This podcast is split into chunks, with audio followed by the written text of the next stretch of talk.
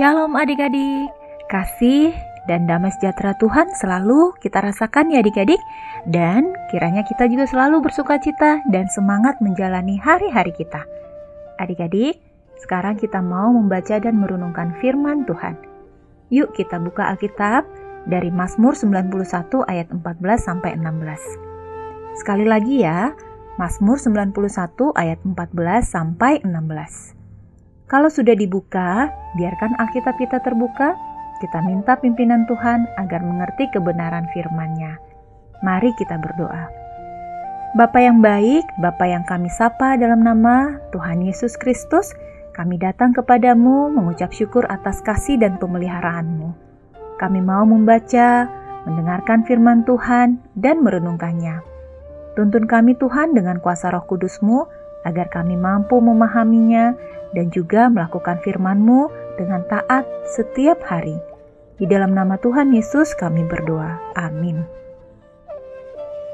Adik-adik, pembacaan Alkitab dari Mazmur 91 ayat 14 sampai 16. Tadi kita sudah buka Alkitabnya.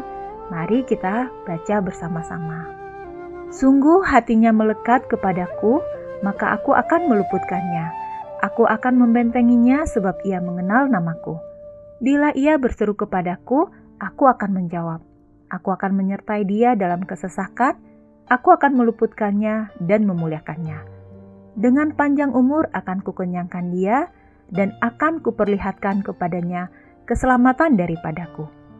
Demikianlah pembacaan Alkitab. Adik-adik, judul renungan kita, Tuhan menyertai. Mari kita baca sekali lagi Mazmur 91 ayat 15 sebagai ayat fokus kita.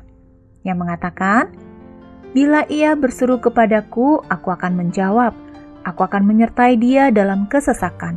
Aku akan meluputkannya dan memuliakannya. Adik-adik, tahukah adik-adik bahwa Tuhan memiliki banyak nama sebutan? Ada beberapa di antaranya, yaitu El Shaddai, artinya Allah Maha Kuasa. Yehova Jireh adalah Tuhan Allah menyediakan. Lalu ada juga Yehova Rapa, yang artinya Tuhan menyembuhkan. Masih banyak lagi sebutan Tuhan yang lain. Nah, saat ini kita belajar mengenai Emmanuel atau Immanuel, yang artinya Allah beserta kita. Adik-adik, janji penyertaan Tuhan adalah ya dan amin dibuktikan bagaimana penyertaan Tuhan kepada hamba-hambanya sejak dahulu. Contohnya, kepada seorang muda bernama Yosua bin Nun. Jika dahulu Tuhan menyertai, maka sekarang dan di masa yang akan datang, dia tetap menyertai adik-adik. Adik-adik bisa belajar untuk hidup dalam penyertaan Tuhan. Dia akan menyertai adik-adik dalam sepanjang kehidupan adik-adik. Nah, adik-adik, Apakah penyertaan Tuhan penting buat adik-adik? Tentu saja penting ya adik-adik. Kita selalu butuh penyertaan dan pertolongan Tuhan. Kalau kita tidak memerlukan penyertaan Tuhan, artinya kita sudah menggunakan kekuatan sendiri. Artinya, kita tidak mau dituntun oleh Tuhan. Padahal, rancangan Tuhanlah yang terbaik buat kita. Kekuatan kita, adik-adik, hanya akan membawa kehancuran, kegagalan buat kita. Karena itu, kita selalu meminta penyertaan Tuhan dan selalu mengandalkan Tuhan ya, agar apa pun yang kita lakukan, Tuhan Yesus selalu menyertai. Yuk adik-adik, mari kita katakan bersama-sama, penyertaan Tuhan penting bagiku.